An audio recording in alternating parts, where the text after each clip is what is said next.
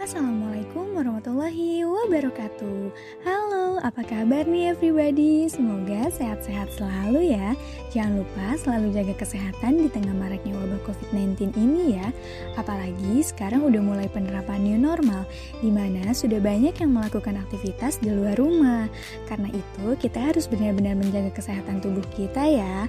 Oh iya, kenalin Aku Ervina Safia dan di sini juga ada Salsabila Rizwina Putri Eits, tapi kita di sini gak cuma berdua aja loh, masih ada dua teman kita, Mutiara Alivia Yudiana sebagai penulis skrip dan Sel Sylvia sebagai pencari materi.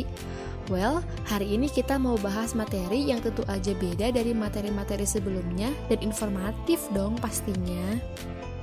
Wah, emang hari ini kita mau bahas apa nih, Bel? Kita mau bahas tentang salah satu mata kuliah yang ada di program studi teknologi pendidikan nih. Kira-kira mau bahas tentang mata kuliah apa nih?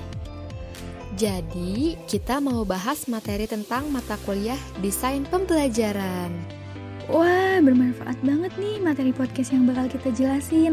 Apalagi buat para calon guru di luar sana, materi ini bagus banget buat disimak. Bener banget tuh, Vin. Materi ini juga bisa ngebantu para calon guru ketika nanti udah turun langsung ke murid-muridnya. Yuk, langsung aja kita bahas apa sih desain pembelajaran dan apa aja yang terdapat di dalam desain pembelajaran. Well, sesuai yang udah kita janjiin tadi, kalau kita bakal ngebahas materi tentang desain pembelajaran. Pada desain pembelajaran ini membahas dan mengkaji tentang sistem, konsep prinsip, dan prosedur. Selain itu, desain pembelajaran juga membahas berbagai desain pembelajaran yang dapat dikembangkan dalam pembelajaran maupun pelatihan lingkup makro maupun mikro. Bahan ajar yang ada di dalam desain pembelajaran itu sendiri meliputi pembelajaran sebagai sistem sudut pandang teknologi pendidikan. Dalam bahan ajar yang pertama ini menjelaskan tentang kompetensi lulusan teknolog pendidikan, yaitu meliputi yang pertama, perancang sistem instruksional dalam berbagai modus pembelajaran pada lembaga pendidikan formal dan non-formal atau diklat. Yang kedua, sebagai pengembang program instruksional, media, dan sumber belajar dalam berbagai bentuk, format, dan lingkungan belajar. Yang ketiga, koordinator kegiatan pengembangan sistem instruksional, media, dan sumber belajar. Yang keempat, pengelola pusat media dan sumber belajar pada lembaga pendidikan formal dan non-formal atau diklat. Dan yang kelima, sebagai evaluator program instruksional media dan sumber belajar dalam berbagai bentuk dan lingkungan belajar. Wah, banyak juga ya Bel kompetensi lulusan teknologi pendidikan. Kira-kira dalam materi yang pertama ini ada apa lagi sih Bel yang mau dibahas? Selain itu, dalam materi yang pertama ini juga ngebahas tentang domain teknologi pendidikan yang meliputi desain, pengembangan, pemanfaatan, pengelolaan, dan evaluasi. Dalam materi ini juga menjelaskan tentang komponen pendukung kegiatan pembelajaran yaitu ada media pembelajaran, sarana dan prasarana sekolah, tenaga kependidikan sekolah, manajemen satuan pendidikan yang fasilitatif. Banyak juga ya Bel yang dibahas pada materi yang pertama ini. Sekarang lanjut ke pembahasan bahan ajaran kedua yuk, yaitu ada pembelajaran berbasis kompetensi. Pembelajaran berbasis kompetensi adalah pembelajaran yang dilakukan dengan orientasi pencapaian kompetensi peserta didik, sehingga muara akhir hasil pembelajaran adalah meningkatnya kompetensi peserta didik yang dapat diukur dalam pola sikap, pengetahuan, dan keterampilan. Menarik nih bahan ajar yang kedua ini ya Vin. Ngejelasin tentang apa aja sih Vin di dalam bahan ajar yang kedua ini Nah, pada pembelajaran berbasis kompetensi ini menjelaskan unsur-unsur pokok pembelajaran berbasis kompetensi, yaitu meliputi yang pertama, pemilihan kompetensi yang sesuai, yang kedua, spesifikasi indikator-indikator evaluasi untuk menentukan keberhasilan pencapaian kompetensi, yang ketiga, mengembangkan sistem pembelajaran, dan yang keempat, penilaian. Ada juga ciri-ciri dari pembelajaran berbasis kompetensi, yaitu yang pertama, berpusat pada peserta didik, yang kedua, mengembangkan kreativitas peserta didik. Yang ketiga, menciptakan kondisi yang menyenangkan dan menantang. Yang keempat, bermuatan nilai, etika, estetika, logika, dan kinestetik. Dan yang terakhir, menyediakan pengalaman belajar yang beragam. Vin, apa aja sih langkah-langkah dari pengembangan pembelajaran? Nah, langkah-langkah dari pengembangan pembelajaran ada 10, yaitu yang pertama, spesifikasi asumsi-asumsi atau preposisi yang mendasar.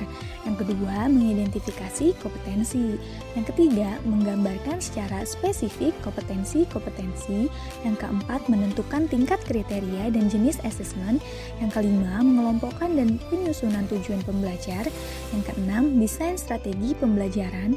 Yang ketujuh, mengorganisasikan sistem pengelolaan, yang kedelapan melaksanakan percobaan atau program, yang kesembilan menilai desain pembelajaran, dan yang terakhir memperbaiki program. Nah, ada juga nih contoh implementasi pembelajaran berbasis kompetensi, yaitu yang pertama constructivism, yang kedua inquiry, yang ketiga modeling, yang keempat reflection, dan yang terakhir authentic assessment. Hmm, selanjutnya ada apa lagi nih, Vin? Gimana? Penasaran kan kelanjutan dari materi kali ini? Sebelum kita lanjut, aku mau kasih info dulu nih. Kita mau ngasih tahu ke kalian kalau Universitas Ibnu Khaldun Bogor lagi buka pendaftaran buat para siswa-siswi lulusan SMA, SMK, atau MAN yang mau menjadi mahasiswa nih. Wah, ada fakultas apa aja nih Kak di Universitas Ibnu Khaldun Bogor ini? Ada enam fakultas nih yang ada di Universitas Ibnu Khaldun Bogor. Yang pertama ada Fakultas Keguruan dan Ilmu Pendidikan atau FKIP. Yang kedua Fakultas Hukum atau FH. Yang ketiga Fakultas Ekonomi dan Bisnis atau FEB. Yang keempat ada Fakultas Teknik atau FT. Yang kelima ada Fakultas Kesehatan atau FIKES. Dan yang terakhir ada Fakultas Agama Islam atau FAI. Wah, ada banyak ya Vin. Kalau kita jelas ya dari FKIP yang lebih tepatnya dari Prodi Teknologi Pendidikan. Untuk FKIP sendiri punya tiga prodi nih. Yang pertama ada pendidikan bahasa Inggris, lalu pendidikan masyarakat, dan yang terakhir ada teknologi pendidikan.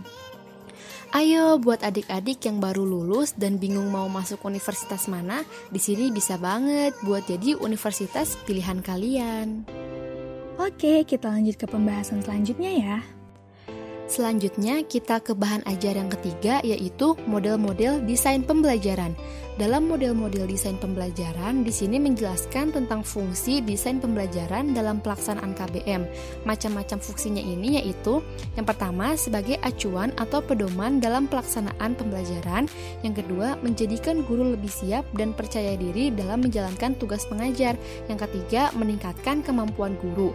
Selain itu, ada juga komponen-komponen desain pembelajaran yang meliputi tujuan pembelajaran, bahan ajar, siswa yang menerima pelayanan guru, metode dan pendekatan, situasi, serta evaluasi kemajuan belajar. Kalau model-model dari desain pembelajaran, ada apa aja ya Bel? Model-model dari desain pembelajaran itu sendiri ada delapan. Yang pertama ada model Dick and Carry, yang kedua ada model Assure, yang ketiga ada model ADI, yang keempat ada model Gerlach and Ellie, yang kelima ada model ISD, yang keenam ada model PPSI, yang ketujuh ada model The Gang, dan yang kedelapan ada model MPI. Bahan ajar selanjutnya yaitu melakukan analisis kebutuhan pendidikan.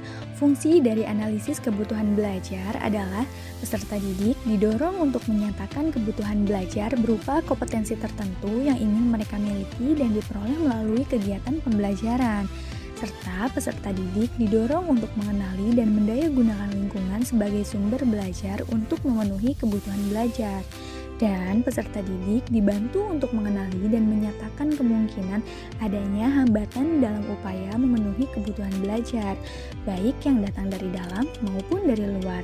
Model-model analisa kebutuhan meliputi model induktif, deduktif, dan klasik. Kalau fungsi dari analisa kebutuhan itu sendiri ada apa aja sih, Vin? Fungsi dari analisa kebutuhan terdiri dari mengidentifikasi kebutuhan yang relevan dengan pekerjaan atau tugas sekarang, yaitu masalah apa yang mempengaruhi hasil pembelajaran, lalu menyajikan prioritas-prioritas untuk memilih tindakan, dan yang terakhir memberikan data basis untuk menganalisa efektivitas pembelajaran. Bahan ajar yang selanjutnya dari materi desain pembelajaran adalah mengidentifikasi perilaku dan karakteristik peserta didik. Di dalamnya meliputi teknik-teknik mendeteksi kemampuan awal peserta didik. Teknik-tekniknya yaitu yang pertama menggunakan catatan atau dokumen yang tersedia, yang kedua melakukan tes prasyarat, yang ketiga mengadakan konsultasi individual, dan yang keempat menggunakan angket atau kuesioner kepada peserta didik untuk memperoleh informasi terkait kemampuan awal. Kemudian, bahan ajar yang selanjutnya yaitu menuliskan dan merumuskan tujuan instruksional umum. Tujuan instruksional umum adalah suatu kegiatan mengidentifikasi kebutuhan instruksional untuk memperoleh jenis pengetahuan, keterampilan, dan sikap yang tidak pernah dipelajari atau belum dilakukan dengan baik oleh peserta didik.